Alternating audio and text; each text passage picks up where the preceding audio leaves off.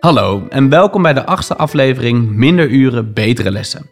De podcastserie die gaat over het feit dat we hoge verwachtingen hebben van leraren als het gaat om de kwaliteit van hun lessen, maar dat er nauwelijks tijd is om goede lessen voor te bereiden. Daarmee is onze kernvraag of het verlagen van het aantal lesuren kan bijdragen aan beter onderwijs. Ik ben je host, Erik Ex, leraar geschiedenis in het voortgezet onderwijs en lerarenopleider in Utrecht. En mijn vaste gast is Marco Snoek, lector leren en innoveren aan de Hogeschool van Amsterdam.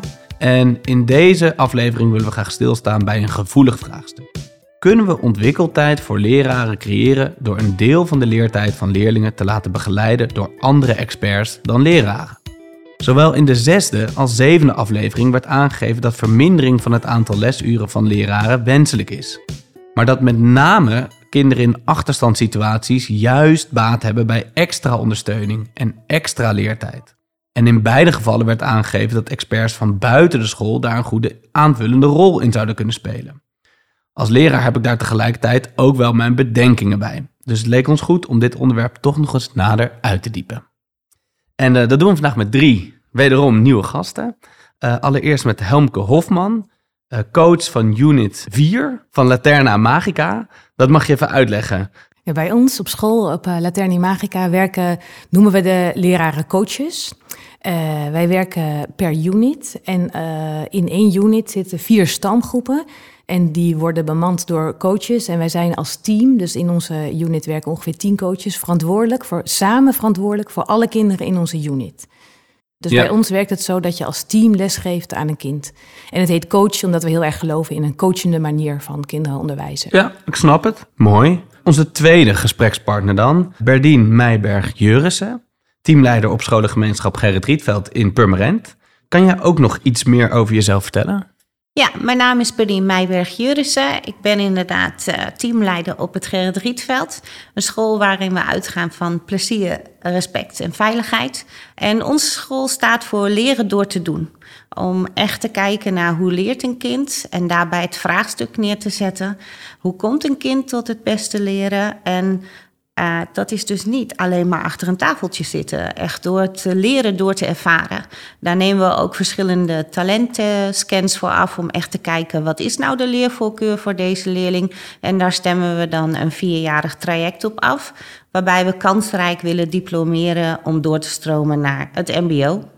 Hey, um, en tenslotte is onze derde gast uh, Roel Spits, uh, projectleider van Andersom Amsterdam. Een initiatief om scholen gemakkelijker in contact te brengen met externe professionals en vakdocenten. Um, Roel, waarom is dit initiatief gestart? Nou, het initiatief is onderdeel van het noodplan leraartekort Amsterdam. Ja. Um, dat pakket is heel veelzijdig. Denk even aan de parkeervergunningen, grootstedelijke toeslag, het opleiden van zijnstromers, opleidingen flexibel maken. En tegelijkertijd was heel duidelijk de vraag, maar wat doen we morgen? En ik ben toen benaderd van, kun je nu eens gaan kijken welke partijen al in het onderwijs werken. En kijk nou eens of we die partijen kunnen mobiliseren, hun capaciteit kunnen vergroten, maar ook vindbaar kunnen maken voor die scholen die nou ja, kampen met lerarentekort. Ja, precies. Dus wat jullie vooral doen is bemiddelen tussen eh, scholen en die professionals? Uh, wat wij doen is wij gaan naar scholen toe die zeggen, joh, wij willen gebruik maken van wat is nou een goede manier, welke aanbieder past bij ons, om met name in dat voortraject te kijken van hoe zorgen we er nou voor dat die inzet van externe een succes wordt. Um, en daarnaast hebben we dat geautomatiseerd, om het zo te zeggen. Van nou, weet je, dat gaan we mm, ja, in een platform gieten, waardoor scholen dat zelf kunnen. Um, dat is een beetje onze rol. Duidelijk, mooi. Uh, drie interessante gasten, alle drie ook uh, volgens mij hele interessante ervaringen. Maar voordat we uh, de diepte induiken, eerst even naar jou, Marco. Waar zou het gesprek in jouw ogen over moeten gaan? Je noemde net al de kernvraag. Kunnen we ontwikkeltijd voor leraren creëren door een deel van de leertijd van leerlingen te laten begeleiden door andere experts dan leraren? En de achtergrond ja, in deze podcastserie is dat we eigenlijk meer ontwikkeltijd voor leraren willen door het aantal lesuren van leraren te verminderen. De consequentie is dan echter dat ja, leerlingen dan misschien ook minder lesuren hebben. En ja, eigenlijk al in verschillende afleveringen is aan de orde gekomen dat veel mensen dat, ja, zeker voor kinderen in achterstandssituaties, onwenselijk vinden. Dat betekent dus dat je zou, ja, zou kunnen kijken van zou je ook andere mensen kunnen inzetten in het onderwijs. Uh, die kunnen bijdragen aan de leertijd van leerlingen. Zonder dat dat leidt tot ja, eigenlijk extra druk voor leraren omdat die dat moeten begeleiden. En eigenlijk met het doel dus om meer ontwikkeltijd voor leraren te creëren. Nou, dat is de context van het gesprek. vind het wel vrij lastig om dat gesprek los te zien van andere gesprekken, waarin het eigenlijk ook voortdurend gaat over het inzetten van onbevoegd in het onderwijs. Dus afgelopen jaar is er natuurlijk ontzettend veel eh, erg ingezet om het aantal onbevoegde leraren terug te dringen. En momenteel, ja, juist door het lerarentekort ontstaat het gevoel dat ja, wel een beetje de neiging is om ja, daar toch op af te dingen. Nou, je ziet dat terug in de discussies in het Amsterdamse basisonderwijs. Waar de nood van tekort zo hoog is dat ja, het huidige systeem met vijf lesdagen niet vol te houden lijkt. Ehm, dus, dus wordt er gekeken naar noodoplossingen. Bijvoorbeeld door na te denken van ja, zou je die school, uh, schoolweek moeten inkorten tot vier dagen. Nou, dat vindt natuurlijk niemand wenselijk, maar de vraag is, ja, zijn er dan alternatieve oplossingen? Nou, een van de oplossingen is dan, waardoor jij, eh, wat jij eigenlijk ook al noemt, is, ja, zou je dan externe experts kunnen inzetten bij vakante plekken voor een deel van de week als een soort noodmaatregel? Ja, de vraag is of dat dan heel veel anders is dan dat je eigenlijk accepteert dat een deel van het onderwijs wordt verzorgd door onbevoegden. Um, heel duidelijk in onze kernopdracht vanuit het noodplan en ook vanuit het platform is, uh, wij gunnen iedere leerling die bevoegde leerkracht. En dat is het uitgangspunt ook. Hè. Dus in die zin, wij bieden een alternatief voor scholen die dat willen, uh, maar het is een keuze. Hè. Dus het is gewoon, wij bieden een alternatief voor naar huis sturen of we bieden een alternatief voor dat de groepen verdeeld worden over andere groepen. Ik snap hem. En tegelijkertijd hoor ik natuurlijk de discussies die over, hierover plaatsvinden, dat leraren eigenlijk ja, soms ook het ervaren als een soort dat het afbreuk doet aan de erkenning van het beroep van leraar. Dus die spanning zit er in het debat. En in die context stellen wij nu de vraag van, ja, is het mogelijk of wenselijk dat uh, leraren minder lesuren geven, zodat ze, maar eigenlijk dan vanuit het perspectief dat je hun professionaliteit beter kan benutten. Doordat je tijd hebt en tijd neemt om na te denken hoe je het best mogelijk onderwijs kan verzorgen. Dus niet omdat er een tekort is, maar juist omdat je zegt: nee, maar ik wil leraren beter tot hun recht kunnen laten komen. Oké, dus dit gesprek gaan we voeren. En het is een gesprek met ook de nodige haken en ogen. Ik ben heel benieuwd wat nou de verschillende voor- en nadelen zijn. Uh, maar eerst ben ik eigenlijk heel benieuwd naar jullie eigen ervaringen. Want dan weten we waar jullie zeg maar, vandaan komen. Hoe jullie uh, wereld eruit ziet, om het zo maar te zeggen. Want Helmke, Jullie werken met heel veel externe experts hè, in jullie scholen. Nou, waarom doen jullie dat? En, en waar zetten jullie ze allemaal voor in? Ik ben heel benieuwd. Wij werken veel met externe experts, omdat ik al, zoals ik vertelde, bij ons is het niet het systeem één leraar, één klas. En door dat wat flexibeler ontwerp is, zijn we ook flexibeler om andere mensen eigenlijk aan ons team toe te voegen. Nu hebben wij bijvoorbeeld op reguliere scholen heb je bijvoorbeeld, je hebt les van je eigen juf, een meester en misschien een gymdocent. En heel soms een muziekdocent. Maar bij ons op school, als onderdeel van ons team, hebben wij ook bijvoorbeeld een kok die kooklessen geeft. Meerdere dansdocenten. Een, een, een juf die gaat over uh, natuur en de tuin. En zo heb je echt mensen die, ze worden ook echt experts genoemd. Zij zijn onderdeel van onze school. En zij uh, snappen ook de filosofie van onze school en de pedagogiek van onze school. En omdat ze daar onderdeel van zijn, kunnen zij ook goed lesgeven aan de kinderen. En maakt het ons onderwijs ook veel rijker. En begrijp ik goed dat dit vaste experts zijn? Ja, zij zijn gewoon in dienst. Ze zijn gewoon collega's bij ons op school. En zij hebben, uh, ja, ons streven is dat ze echt een onderwijsbevoegdheid hebben. En dat is iets wat, ja, wat mij heel erg, wat jij heel erg, uh, wat in mij oproept in jouw verhaal. Mensen komen met een expertise en dat vind ik fantastisch. En ik denk dat dat heel veel kan toevoegen aan het onderwijs. Wat ik eigenlijk wil zeggen, wat mijn punt is, is als jij een expert, expert bent en je bent heel goed in jouw vak als kunstenaar of wat dan ook, dan wil dat niet zeggen dat je automatisch ook een goede uh, leerkracht of coach kan zijn voor kinderen. Want dat is ook een vak. En dat vak moet je ook beheersen. En is dan iedereen in jullie school ook een expert in iets? Want ik kan me ook voorstellen dat iedereen in principe wel ergens Klopt. expertise ja, heeft. en dat is ook zo. En het is ook heel leuk dat daar ruimte voor is. Ja, maar precies. misschien ter aanvulling, wij maken ook daarnaast gebruik van Amsterdam andersom omdat wij gewoon ja, uh, tekorten hebben en ook letterlijk tijd tekort komen. Dan maken we gebruik van jullie website. En daar is eigenlijk onze ervaring wat ik net vertelde. Iemand komt, iemand heeft expertise of een plan met die kinderen. Die vliegt in, die gaat een uur of anderhalf uur met een groep kinderen aan de slag. Ja, daar merk je de beperkingen, hoe goed bedoeld ook. Die, diegene kent die kinderen niet, diegene kent de weg niet. Dus zulke soort tekortkomingen kom je echt in het dagelijks werk tegen. En Ja. dat, dat onderstreept maar weer hoe serieus je niet alleen de expertkant moet nemen, maar ook die pedagogische en didactische kwaliteiten die iemand echt moet meebrengen, ook als expert. Ja. Hey, eh, Berdien, dan even naar, naar jou. Hoe zit dat bij jullie op het Gerrit Rietveld? Waar zetten jullie precies die experts in en ook waarom? Nou, op het Gerrit Rietveld leren we juist door te doen. En wij geloven daarin dat je dat het beste doet samen met het werkveld. Uh, in tegenstelling tot Laterna Magica maken wij gebruik van experts uit het echte werkveld. Die hebben geen uh, pedagogische diploma of een lesbevoegdheid. Ik snap dat je daar de discussie over kan voeren. Maar voor ons is ook niet het uitgangspunt om het tekort op te lossen, maar wel wat heeft de leerling eraan. En onze leerling die heeft er gewoon heel veel aan om geïnspireerd te worden door het werkveld met het werkveld. Uh, in ons geval werken wij samen met de BHV-centrale André Maas. En uh, wat voor ons daarin de meerwaarde is, onze leerlingen die krijgen dus ook een echt BHV-diploma. Nou hebben wij het grote geluk om te maken te hebben met een persoon die die klik met die leerlingen heeft. Maar je kan ook de pech hebben dat je net op werkbezoek gaat. Want op werkbezoek gaan bij de expert uh, is ook onderdeel van ons leren. En je komt daar een kok tegen die al twintig jaar lang daar staat en die les geeft à la Gordon Ramsay met de huidige doelgroep in het basiskader, waarbij het nog wel eens een uitdaging kan zijn in autoriteit. En uh, op zijn Gordon Ramsays betekent dat ook dat je dan een valkuil inloopt. En dan zie je dus dat je dan niet alleen de expert voor die groep kan laten staan, maar dat je wel degelijk die pedagoog erin nodig hebt. Van hé, hey, moet je luisteren, hij bedoelt het niet zo. En tegelijkertijd is dat wel waar we onze leerlingen op moeten voorbereiden. Want dat is de echte wereld waar je in terecht gaat komen, waarin gewoon op tijd komen, afspraken nakomen een heel belangrijk onderdeel is. Maar dan zie je dat je duo-teaching hebt, waarbij wij de pedagogische kwaliteiten leveren en de expert het vakexpertise. Nou, voor de rest uh, is het zo dat wij willen heel graag op dinsdagmiddag met alle teams goed kunnen overleggen, ons onderwijs samen maken.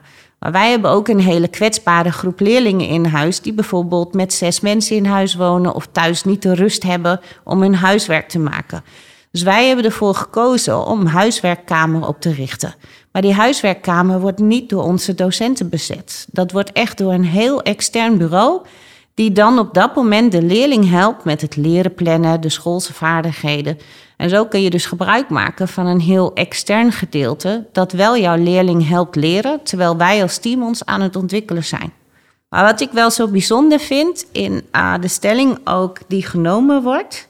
Uh, en Marco, je zei dat echt zo van, hè, we moeten ons onderwijs, de kwaliteit daarin verbeteren en daar moeten we tijd voor maken. Um, maar is de zwaarste taak in het onderwijs dan het lesgeven? Want dat is echt wel de vraag die ik heb. Want dat is wel de passie van onze docenten in onze doelgroep. Waarbij wij juist de uitdaging hebben om goed onderwijs te schrijven, moet je bijna methodemaker zijn. Hè? Als je de, de toetspatrijzen hebt en alle kennis die daarbij komt kijken. Dus daarin hebben wij gezegd, nou die passie voor dat onderwijs vinden we heel fijn. En dan werken we samen met externe die ons helpen te schrijven. Dus wij werken op dit moment samen met MK Educatie, die samen met ons dan die lesstof ontwikkelt. Bij ons op school hebben we onderzocht waar heb je nou het minst werkplezier aan en het meest werkplezier. En dat kan per school natuurlijk verschillen. Ik herken heel erg dat je echt plezier hebt om voor de groep te staan en met kinderen te werken. Maar uh, voor mij is het niet zo dat je dus alleen voor die groep wil staan en geen tijd wil hebben om je lessen te ontwikkelen of daar verdieping in aan te brengen. Ik geloof echt in, in onderwijs dat je gemaakt hebt waar jij voor staat. En ik, ik ben helemaal dus eigenlijk geen voorstander van om dat uit elkaar te trekken. Van laat een ander maar bedenken wat goed onderwijs is en dan ga ik het wel uitvoeren. Ik denk juist, je kan alleen goed onderwijs geven door te weten wat jouw vak is, hoe jij, wat jij wil bereiken met die kinderen. Roel, uh, jullie bemiddelen tussen externe experts en scholen, toch? Herken je dat dan? Is dit wat meer scholen bij jullie die bij jullie zijn aangesloten doen? Of zie je nog andere vormen? In principe um, is het zo dat die bemiddeling van ons start eigenlijk met die uh, voorwaardelijke gesprekken. We noemen het even. Als je bij ons terechtkomt, zeggen we meteen tegen je: joh, het gaat je in eerste instantie meer tijd kosten. De verhalen zijn uiteenlopend. Even spe specifiek wat we merken, wat, wat het het beste doet, is werkdrukvermindering op scholen met weinig tot geen tekort. Dan ontstaat er of dat uh, leraren mee kunnen in het aanbod, hè, dat ze het zelf eigen kunnen maken. Dat is teach the teach of leren leren. En dat ze het daarna zelf kunnen doen. Maar ook inderdaad dat ze met halve groepen kunnen werken. Dat ze met een kleine groep zelf als leraar aan de slag kunnen op het gebied van verdieping of remediëring. Tot en met dat leerkrachten echt die groep uit kunnen. Wat ze ook vaak kunnen bij de docent bewegingsonderwijs of muziek. En dan zien we dat scholen echt ja, hele bouwen, dus vaak onderbouw, drie collega's kunnen vrijroosteren. Als wij drie partijen aanleveren om dat mogelijk te maken. En ja, uh, drie kwart geeft aan dik tevreden. En een kwart geeft aan, weet je, als ik weer een bevoegde leerkracht kan vinden, ga ik meteen weer terug naar die bevoegde docent. En wij nemen daar ook geen, ja, klinkt een beetje flauw, ik heb daar geen stelling in. Hmm. We faciliteren het liefst en we stimuleren op het stukje visie en op het stukje nou ja, matching. Wat we ook zien is dat een aantal basisscholen nu in dermate zwaar weer, zwaar weer is, dat we daar fors op moeten investeren om het mogelijk te maken.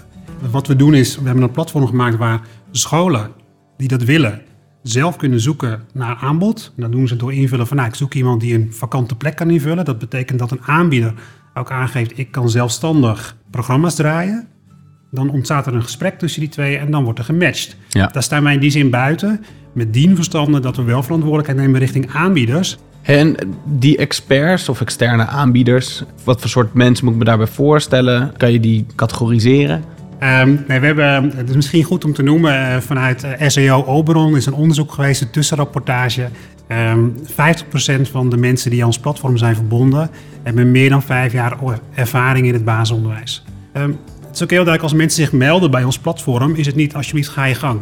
Nee, daar vindt dus even een stevig gesprek plaats met heb je ervaring in het onderwijs? Wat is het programma dat je aanbiedt? Bij wie heb je het gedaan? Kunnen we een referentie opvragen? En nogmaals, het is geen garantie voor succes. Maar jullie hebben wel ervaren dat dat echt nodig is om het een succesvolle match te laten worden. Absoluut. Kijk, dat betekent, um, nog even terug naar je vraag van wie zijn het? Het zijn 75% uh, bekenden van scholen. Een van de dingen die we terugkregen is dat overdracht en communicatie is essentieel voor welslagen van de inzet van externen. Dus doe het eerste kwartier samen. Dan is die overdracht. Kinderen weten, oh, dit is gewoon de leerkracht of de docent voor dit moment. Daarna geeft die docent een uur onderwijs. Dat is het uur waarvan wij zeggen, dit is effectief werk aan werkdrukvermindering. Marco, wij gebruiken de term externe experts. Dat is heel breed. Toch, er kan van alles onder vallen. We hebben al een heel aantal voorbeelden gehoord. Wat noemen leraren zelf als, als mogelijkheden voor externe experts die hun onderwijs zouden kunnen bereiken? Ja, we hebben deze vraag inderdaad weer voorgelegd aan een, eh, een, breed panel van leraren via TeacherTap. We hebben reacties van zo'n 1300 leraren deze keer en we hebben ze de vraag voorgelegd: kun je voorbeelden noemen van externe, tussen haakjes onbevoegde professionals, die aan de leertijd van jouw leerlingen zouden kunnen bijdragen? En wat je daar ziet is dat een deel daarvan betrekking heeft op ja, eigenlijk vakdocenten, zeker in dat basisonderwijs, om uh, leerkrachten met een of nee, leraren met een wat smallere bevoegdheid dan die van de groepsleerkracht. Wat ook genoemd is, is eh, stagiaires. Dus mensen die nog in opleiding zijn en niet volledig bevoegd zijn. En er is, een, uh, dat slaat aan bij wat Berdien zei, denk ik, beroepsbeoefenaren met een specifieke inhoudelijke expertise. Berdien noemt dat in die context van het beroepsonderwijs, het VMBO, maar ook in het basisonderwijs, waarbij je eigenlijk te maken hebt met een leerkracht die dat hele brede curriculum moet dekken. Kan je niet expert zijn op al die terreinen. En is het soms heel fijn als je wetenschap en techniek moet doen om gewoon een, ja, iemand te hebben die daar expert in is. Een, uh, bijvoorbeeld bij maatschappijleer, een rechter of een advocaat of een politicus als, als gast, uh, gastdocent. Maar is een gastdocent niet iets anders dan een expert? Want kijk, een gastdocent, dat, dat kennen we allemaal, dat fenomeen. En iemand komt en je verwelkomt diegene in je les. Maar dat is een les waar jij bij bent. Waar Geen werkdrukvermindering, nee. Nee, en uh, dat is ook niet iets nieuws of zo. Het is dus een van de thema's die leraren noemen als ze denken van... Hey, hoe kan een, een externe expert een rol spelen? Nou, dat is in dit soort vormen. Wat ook genoemd wordt, is een groep met veel meer pedagogische expertise. En dan gaat het over orthopedagogen of dan gaat het sociaal-pedagogische hulpverleners. Wat ik ook een hele leuke vond, was dat genoemd werd de mogelijkheid om bovenbouwleerlingen in te zetten ten behoeve van onderbouwleerlingen. En wat nog genoemd werd, is een andere categorie. Dat zijn mensen die administratieve ondersteuning bieden. Of surveillance doen bij toetsen of iets dergelijks. En op die manier zaken uit handen nemen. Laten we proberen het af te pellen in, in drie onderdelen. Laten we kijken naar wat zijn de opbrengsten voor leerlingen. Daarna wat zijn de opbrengsten eigenlijk voor leraren. En aan het eind, ja, wat is er nou nodig om dit te laten slagen? Uh, we hebben er allemaal al een beetje aan geraakt. Hè? Maar ik denk toch dat het, dat het goed is om dat nog allemaal eens even te laten langskomen. Eerst is voor leerlingen. Wat kan het leerlingen nou precies opleveren? In de vorige aflevering hebben we het daar ook al eens kort over gehad. Uh, toen waren we in gesprek met twee leerlingen, toch Marco? We hebben die vraag ook weer voorgelegd aan het Teacher Tab Panel. Daarvan zegt 37% van de, de leraren in het basisonderwijs en voortgezet onderwijs geeft aan dat het inzetten van externe experts kan bijdragen aan het leren van leerlingen. Terwijl zo'n 15% aangeeft dat het waarschijnlijk niet het geval zal zijn. Dus je ziet dat daar nog wel wat uh, ja, verschillende uh, opvattingen ook van leraren zijn. En hoe ervaren jullie dat, Berdine? Nou, wat je daarin ziet is dat het heel belangrijk is, is uh, welke relatie heeft diegene, welke ervaring heeft degene die voor de groep staat met onze doelgroep. Waarbij passend onderwijs echt een, uh, een, ja, een dagelijkse gang van zaken is. Ik denk wat de leerling daaraan heeft, is leren in de werkelijkheid met en van elkaar.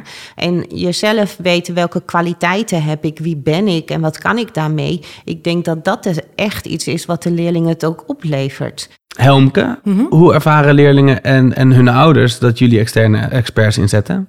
Uh, wij zetten experts in, zowel extern als intern. En die uh, experts uh, voegen natuurlijk toe hun expertise. Zij komen met bepaalde kennis, maar ook met hun passie. Dus ja, dat, uh, dat verrijkt het onderwijs enorm. En ik denk dat kinderen heel goed aanvoelen, dit is voor het echi. Bij ons koken kinderen niet om te leren hoe je moet roeren, maar ze koken een gerecht en dat gerecht wordt ook echt verkocht. Omdat jullie honger hebben. Dat is namelijk onze Oh. lunch. Maar dat voor het echi is bij ons wel een, een, een drive waar we kinderen heel graag op aanzetten. En een expert die echt die expertise heeft, die, die, wak, die kust dat wakker in kinderen. En je merkt een motivatie die dan heel erg toeneemt en bovenkomt. Ja, want het interessant is dat in de vorige aflevering uh, hadden we Lianne Zeebold van basisschool De Tamarinde in Zaandam. En zij zei dat uh, externe experts juist een rol speelden in, en dat is een mooi woord voor, het openen van vensters op de wereld. Roel, is dit ook jullie ervaring? Wat we zien is bijvoorbeeld even van wat kan het leerlingen bieden. Uh, we hebben een mooi programma vanuit uh, vier VMBO-scholen die gratis workshops aanbieden op het gebied van techniek. Die echt perfect zijn voor die potentiële VMBO-B en kaderleerling. Uh, die soms in het basisonderwijs ja, wat tekort schiet, wat, wat, wat minder krijgt. Nou, daarvan zeg ik van nou, dat geeft inderdaad een inkijk in zowel uh, wat er in de toekomst mogelijk voor je is, maar het is ook echt een verrijking van het curriculum. Wat zijn nadelen voor die leerlingen? Ja, dan komen we terug op thema's als eh, wisselende gezichten, bijvoorbeeld, als je dat als nadeel zou zien.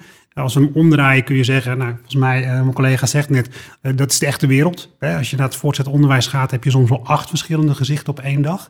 Dus is dat een nadeel, weet ik niet. Um, uh, het zegt zoeken. Ja. Kijk, eh, op jullie website kunnen we zien allemaal workshops, gastlessen. Ik kan me voorstellen dat het voor kinderen heel interessant kan zijn. Maar ik kan me ook voorstellen dat de zorg van veel scholen is om met leerlingen te werken aan de basisvaardigheden. Ten aanzien van taal, rekenen, burgerschap. En valkuil in het onderwijs kan juist zijn dat we steeds meer dingen in het onderwijs stoppen, waardoor die basisvaardigheden verwateren. Zijn dat dan niet vooral thema's die je zou kunnen beschouwen uh, ja, als het, het bezighouden en het vermaken van kinderen? Een soort eigenlijk, wat eigenlijk buitenschools aanbod ook zou kunnen uh, zijn? Of is het echt verbonden aan de kern van de opdracht van scholen en de leerbrengsten die ze met leerlingen zouden moeten bereiken? Ja, het is echt een interessante vraag. Kijk, als je, uh, vanuit ons perspectief hebben we dit platform opgezet als alternatief voor naar huis sturen. Dus ik zie het echt als een verrijking voor het aanbod wat er anders niet zou zijn. En dus dat heeft in die zin, het kan geen schade. Weet je, het levert deze kinderen het, het op wat ze anders niet zouden hebben. Dus dat betekent of naar huis sturen of ons aanbod. Ja. Daarmee maak ik mezelf heel makkelijker van af. Dus dat ga ik niet doen. Um, heel duidelijk, het platform biedt geen aanbieders op het gebied van rekenen, taal en bewegingsonderwijs. Natuurlijk zie je verschuivingen. Op het moment dat je bewegend leren met een activiteit met wetenschap en techniek doet, onderzoekend leren, dan zit daar toch bewegingsonderwijs in. Maar op het gebied van rekenen en taal zeggen we heel duidelijk, dit ligt echt 100% bij die bevoegde leerkracht van de groep. Dus daar aan, die, aan dat kernvakkenpakket uh, bieden wij geen aanbod. Ik pleit ervoor dat die experts echt verbonden zijn aan een school en een langdurige relatie hebben met de school, omdat je dan juist die expertise en het kerncurriculum op een rijke manier met elkaar kan verbinden. Dus juist als je zo'n expert en het oplossen van het tekort en de bevoegde docent en die gaat alleen maar over taal en rekenen heel erg uit elkaar trekt, mis je juist heel erg veel kansen. Dus je moet het niet alleen zien als een oplossing voor het tekort, je moet het zien als een verrijking voor je school als een verrijking om kansen om te leren. Leren rekenen in de werkelijkheid, dan in plaats van uit een boekje. En, maar dan, en werkt dan het kan dus... er dus ook een pedagogische relatie worden opgebouwd tussen Precies. leerlingen en experts. Dan kan je een, een, een onderwijsvisie met die kok samen verbinden. Hoe rekenen wij? Wij rekenen met gewichten vanuit de werkelijkheid. Dat gaan ze in de keuken doen. Dat gaan ze daarna oefenen op een wat abstractere manier. Maar dat werkt alleen als je echt een duurzame relatie met zo'n expert hebt... en niet als die enkele gastlessen komt geven. Ik denk dat het heel het ligt bij besluitvorming van scholen en hun teams. Even los van tekorten, even los van dat je aan werkdrukvermindering wilt werken. Samen met je team. Die teams zijn hartstikke verstandig en professionals op het gebied van hoe zij hun organisatie willen inrichten. En dan gaat het er inderdaad om, uh, wat Helmke zegt, dat je samen besluit als je, als je externe professionals wil inzetten, uh, bekwaam met of zonder bevoegdheid, dat laat ik dan in het midden, maar wel bekwaam, dan is het aan de organisatie zelf om dat in te vliegen op zo'n manier dat het effect heeft en dat het een verrijking is. En dat sluit heel duidelijk aan. Toen wij startten twee jaar terug, uh, wilden scholen niet langer dan zes weken een expert. Niet langer. Nou, twee jaar later zien we dat scholen aan het begin van het jaar, of zelfs in juni, een jaarcontract afsluiten. Omdat ze iemand kennen. Dat is de toevoeging. Het is niet meer die en die van die en die organisatie. Nee, uh, dat is juf Bushra. Juf Bushra verzorgt hier de lessen drama. En dat weten die kinderen ook. En dan merk je dat het een onderdeel wordt en dat die ja, bevoegdheid of onbevoegdheid ondergeschikt raakt en dat bekwaamheid veel meer naar voren komt. En ook niet het, het onderscheid tussen bevoegd en onbevoegd of kerncurriculum en nou, we vermaken ze. Dat vind ik echt een zwaktebod om dat zo uit elkaar te trekken. En ik begrijp dat die, dat die sentimenten leven. Ik snap ook het onderbuikgevoel wat het oproept bij collega's. Maar probeer dat juist in elkaar te verweven en samen te brengen. Dit is ook precies wat Roel zegt volgens mij. Van het is iedere keer maatwerk. in het basisonderwijs is een andere context. Dan kom je tot andere oplossingen. Dan in het voortgezet onderwijs of in het VMBO maak je, mhm. kom je weer tot andere oplossingen dan bijvoorbeeld binnen HAVO-VWO. Dus, en ik denk dat dat voor mij wel de kern is die eruit komt. ik ben eigenlijk nog wel benieuwd om eigenlijk weer even terug te gaan naar de vraagstelling die we hadden. Een vraagstuk waar, we, waar de podcastserie over gaat. Want het ging nu over ja, wat is de meerwaarde voor leerlingen. In welke mate kan het inzetten van uh, experts, anders dan de, nou, de, traditionele groepsleerkracht of de vakleraar in het voortgezet onderwijs, kan dat bijdragen aan uh, ruimte voor leraren? Die, die trage tijd waar we het een uh, podcast of zes, zeven geleden over hadden, denk ik, hè, die je bedoelt. Dus de tijd om samen met je collega's stil te staan bij de kwaliteit van de lessen. Um, en, en het hele punt is natuurlijk dan moeten we het aantal lesuren verminderen. En ja, dan hebben leerlingen minder les. Kunnen we dat op een andere manier misschien oplossen? Kunnen we de leraar ontlasten, zodat zij uh, meer tijd hebben voor lesvoorbereiding en lesontwikkeling? En kan dat dan met die externe? Dat is denk ik ook echt een, een interessante vraag. Want Berdien, jullie hebben de externe in eerste instantie niet ingezet om leraren te ontlasten. Toch? Nee, dat klopt, omdat we op dat moment nog de NPO-gelden hadden. Maar ik ben nu bezig met de formatie voor volgend schooljaar. En dan zie je dus dat dat uh, duo-teaching op die manier helaas niet uh, altijd te bekostigen is op deze manier. Uh, dus is het gesprek, de evaluatie is weer op 3 april. Gaan we verder van ja, kan jij dan alleen voor die groep staan? Ja. Daaruit is wel een heel duidelijk antwoord gekomen. Want maar wij denken dat we dat wel degelijk op die manier kunnen doen. Omdat we namelijk weten dat deze expert, die heeft die relatie met die leerling, die kan dat alleen. Maar het is gewoon een ingewikkelde puzzel die je met elkaar moet leggen. En dan kom je eruit. Ja, zo klinkt en het dan levert het iets op, maar het, het, het, ontstaat niet vanzelf. Je moet er heel veel moeite in stoppen. Met elkaar die puzzel leggen is dan inderdaad de oplossing. Het klinkt toch ook bijna alsof het meer gedoe is dan dat het oplevert? Of... Nee, het levert zeker wat op. Want ik denk namelijk waar je mee moet beginnen is als je het doel is, ik wil de werkdruk verlagen en ik wil met elkaar meer onderwijs maken. Wij zien dat samen met elkaar onderwijs maken vergt dat je met elkaar in overleg gaat. Dat je consensus bereikt over de rubriek die we gebruiken. Of uh, gaan we linksom, gaan we rechtsom? Wat doen we als team met deze groep leerlingen? Ja, duidelijk. Um, kan ik me alles bij voorstellen ook. En Helmke, wat is jullie ervaring? Ontlast het jou als leraar als je experts van buiten invliegt? Of belast het jou ook soms? Ik denk dat de clue is dat je het niet moet willen invliegen alleen voor de ontlasting. Ik denk dat je moet werken vanuit een overtuiging en een visie. Wij gunnen onze kinderen deze expert. Wij geloven in een verbinding met de echte wereld. En dan weet je samen met die expert waar je naartoe werkt en gaat het je ontlasten omdat je een gezamenlijk doel hebt. Dus het is meer een visie van je, je, je gunt een kind meerdere gezichten uh, met meerdere uh, ja, overtuigingen daarachter. En daarin heb ik mijn aandeel, maar een ander natuurlijk ook. Mooi, je, je gunt, je gunt je leerlingen ook aan een ander. Dat vind ja, ik een mooi. Ja, precies. Want ja, we hebben ook een beetje gehad over dat, dat bezit-idee. Ik ben daar helemaal niet van. Ik ben heel erg van, van de gunfactor. Hey, Marco, we hebben ook op de Teacher Tab gevraagd of externe nu als ontlasting voor de leraar of juist als belasting voor de leraar uh, worden beschouwd. Wat kwam daaruit? Ja, weer, weer eigenlijk een, een gemengd beeld. Zo 35% geeft aan dat het waarschijnlijk leidt tot meer werkdruk. Ja. Terwijl 25% aangeeft dat het mogelijk meer ruimte voor leraren creëert. Dus je ziet ook hier weer dat dat niet eenduidig, uh, eenduidig beeld is. Wat we met name zien, dat beeld is breed. wat mijn collega net ook aangeeft, Henk aangeeft. Ehm, die scholen die dit vanuit visie invliegen, die accepteren bij voorbaat al dat zij tijd en ruimte moeten vrijmaken om te investeren in die duurzame relatie. En zij zien het waarschijnlijk ook niet als taakverzwaring, maar als een investering. Dat is een heel ander gemoed. Op het moment dat scholen kiezen vanuit een urgentievraagstuk, dus bijvoorbeeld vanuit een lerarentekort, heb je een andere aanvliegroute.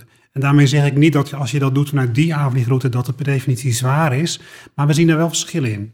En dus op het moment dat een aantal collega's aangeeft, het is een verzwaring. Ja, zeker. In het begin is het een verzwaring. Je zult moeten investeren in die aanbieder, gesprekken voeren.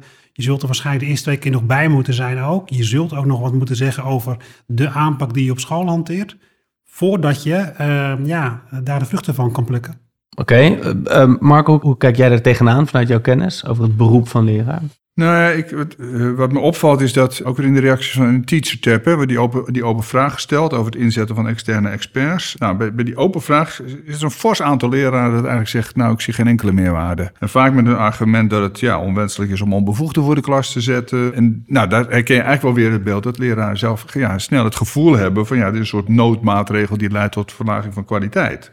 Het eigenlijk ook vraagt om een soort van omdenken. Dat je zegt van ja, maar kan het ook een soort verlichting geven voor leraren. Zodat je echt toe kan komen aan je professionaliteit. Voor mij heeft het heel erg te maken met hoe we dat beroep georganiseerd hebben over het algemeen.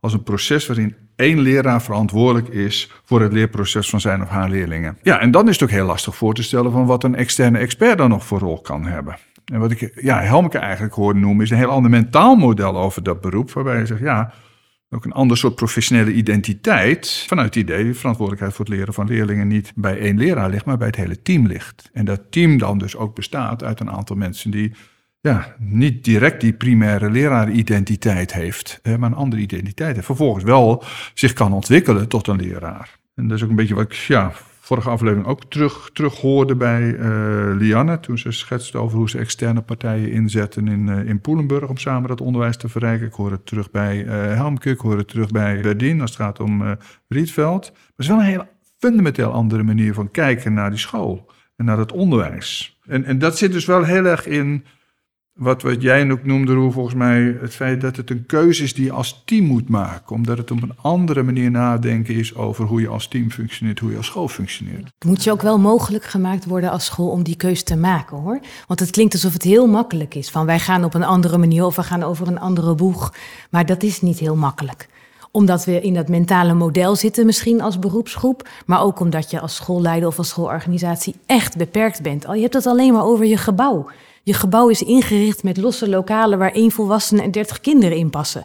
Dus ja, zo zou je nog wel meer uh, ja, uh, omstandigheden kan ik opnoemen, die het niet heel makkelijk maken om, om die, ook al onderschrijf ik het van harte hoor, maar om die verandering aan te gaan. Wat jij namelijk zegt is, uh, soms is het namelijk heel fijn om dus even die expert, hè, die externe expert om zo maar even te noemen, voor die groep te kunnen zetten, omdat wij het zo belangrijk vinden om bij elkaar in de les te kunnen kijken. En we zien uh, want daar word je als professional een betere professional van. Zeker. als ik net een beginnend docent ben en ik heb de mogelijkheid om uh, bij iemand in de klas te komen kijken, of ik ben uh, zij-instromer, dan kan je daar gewoon heel veel van leren binnen je school. Ja, en daar heb ik gewoon een uitdaging. Wij vinden dat heel belangrijk en we, we proberen dat ook zoveel mogelijk. Maar je ziet gewoon, omdat we gewoon les moeten geven ja, en we gaan die, die tijd uren opvullen. Ja. Kijk, als we het dan toch hebben van, nou, waar zouden we het nou eens met de politiek over moeten hebben? Het zou zo fijn zijn. We hebben nu al geregeld, hè, die 10% minder lessen geven voor beginnende. 20 zelfs is het? sorry, excuus dan 20 procent ja. minder lesgeven. Ik zou het zo fijn vinden als we met elkaar 10% van onze inzet kunnen vrijmaken om te kijken bij andere collega's in de lessen. Want dan gaan we met elkaar die dialoog opstarten. En dan komen we ook uit ons klaslokaal en gaan we die ontmoeting Absoluut, helemaal eens. Even aanvullend bij Berdien. Toen wij startten met dit project hebben we met twaalf pilotscholen zijn we gestart. En daarvan hebben acht onze zeg maar, externe professionals ingezet voor precies wat jij nu beschrijft. En vervolgens zijn die pilotscholen dat gaan uitbreiden naar uren. Anderhalf uur is een groeimodel is het inderdaad.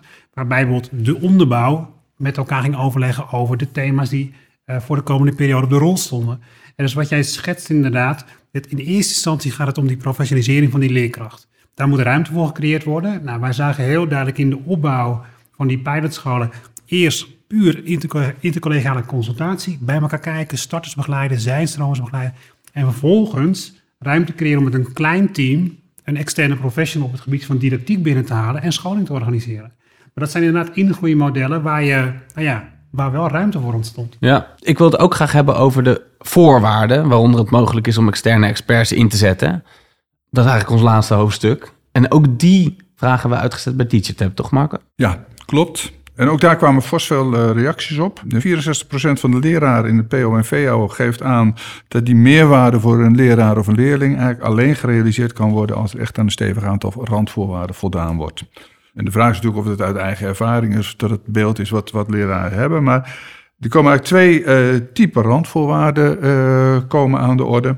En die komen eigenlijk ook wel e-, overeen met wat jullie gezegd hebben. Het eerste type is eigenlijk uh, ja, die betrekking hebben op de externe expert zelf. Dus expertise en passie kunnen hebben. Met leerlingen kunnen omgaan. De school, de visie en de werkwijze in die school goed kennen en daarbij aansluiten. Dus dat heeft, zijn echt hele randvoorwaarden aan die expert zelf. En die andere hebben te maken met de structuur. Uh, dus dat je een structuur creëert waarin ook coaching en uh, intervisie van die expert aanwezig is. Dat er sprake is van een duurzame samenwerking. Hebben jullie ook alle drie al, uh, al genoemd. Dat je deel bent van je team. Maar ook dat het belangrijk kan zijn dat er juist een bevoegde leraar aanwezig kan zijn. Ja.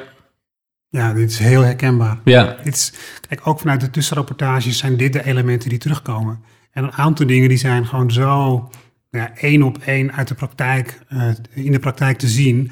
Uh, en met name, en ik ga mezelf herhalen, op het moment dat we zien dat iemand onderdeel wordt van het team, onderdeel wordt van de manier van werken, dan zie je gewoon dat het succes toeneemt.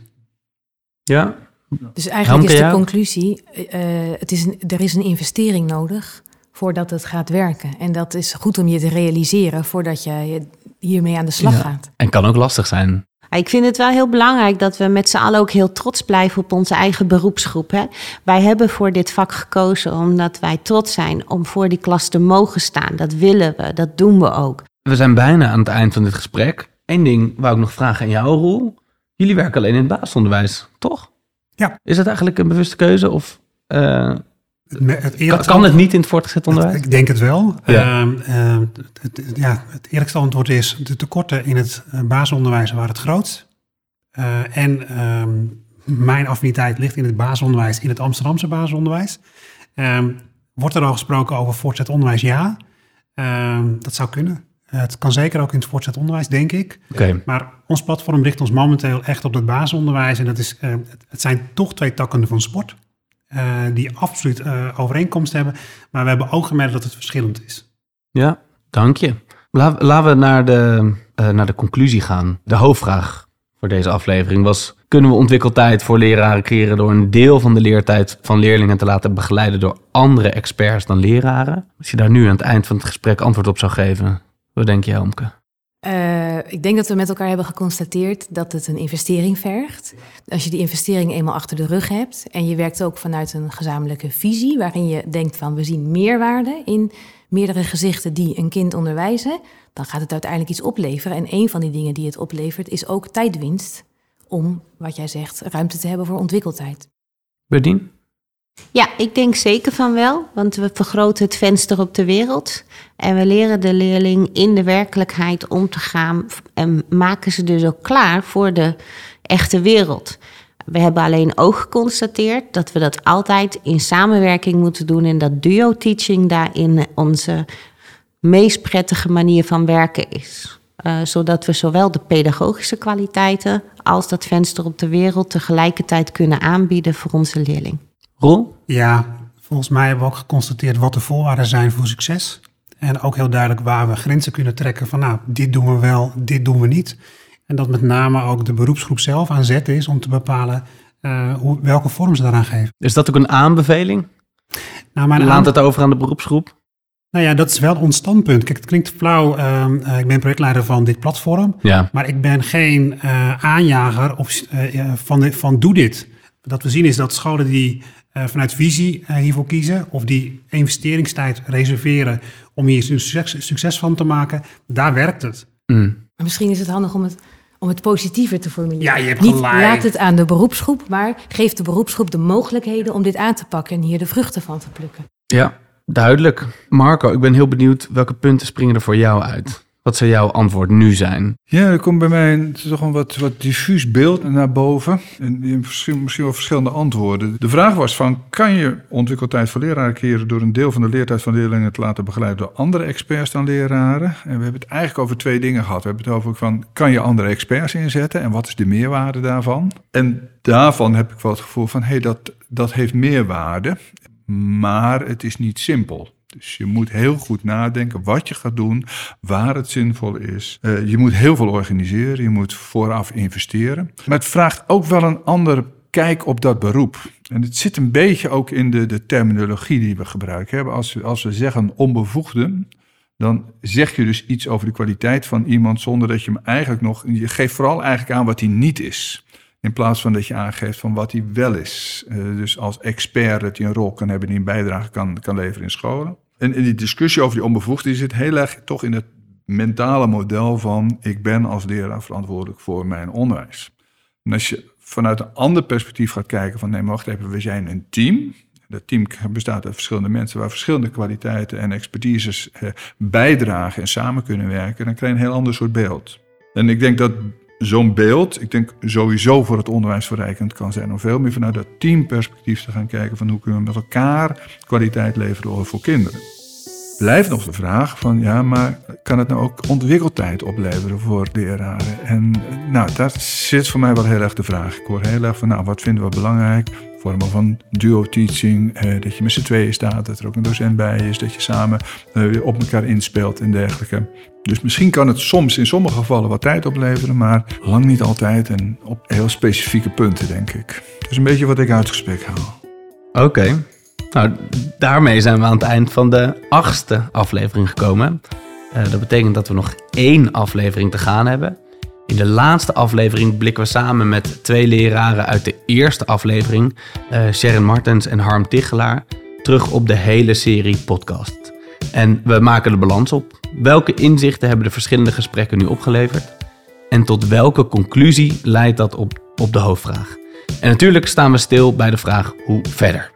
We zijn ook heel benieuwd naar wat de podcastreeks jou als luisteraar een nieuwe inzicht heeft opgeleverd. Welke nieuwe perspectieven je hebt gekregen, tot welke conclusie leidt dat? En wat zou in jouw ogen een volgende concrete stap moeten zijn? Je kan reageren via LinkedIn. Onze LinkedIn-pagina kan je dan weer vinden op onze podcastpagina en die is www.hva.nl slash minderuren betere lessen. Helmke, Berdien, Roel, eh, bedankt voor jullie bijdrage aan deze aflevering van de podcastserie Minder Uren, Betere Lessen. Fijn dat jullie naar de studio wilden komen om te praten over jullie ervaring rond de inzetten van externe experts in het onderwijs. Rest ik uh, nog met het laatste. Deze podcast is mogelijk gemaakt door het Center of Expertise Urban Education van de Hogeschool van Amsterdam en geproduceerd met de subsidie van het Nationaal Regieorgaan Onderwijsonderzoek NRO. Je kunt je abonneren op dit podcastkanaal zodat je automatisch bericht krijgt over de volgende aflevering. Kan via www.hva.nl slash minder uren betere lessen. Ik ben Erik Ex en ik wens je nog een hele fijne dag.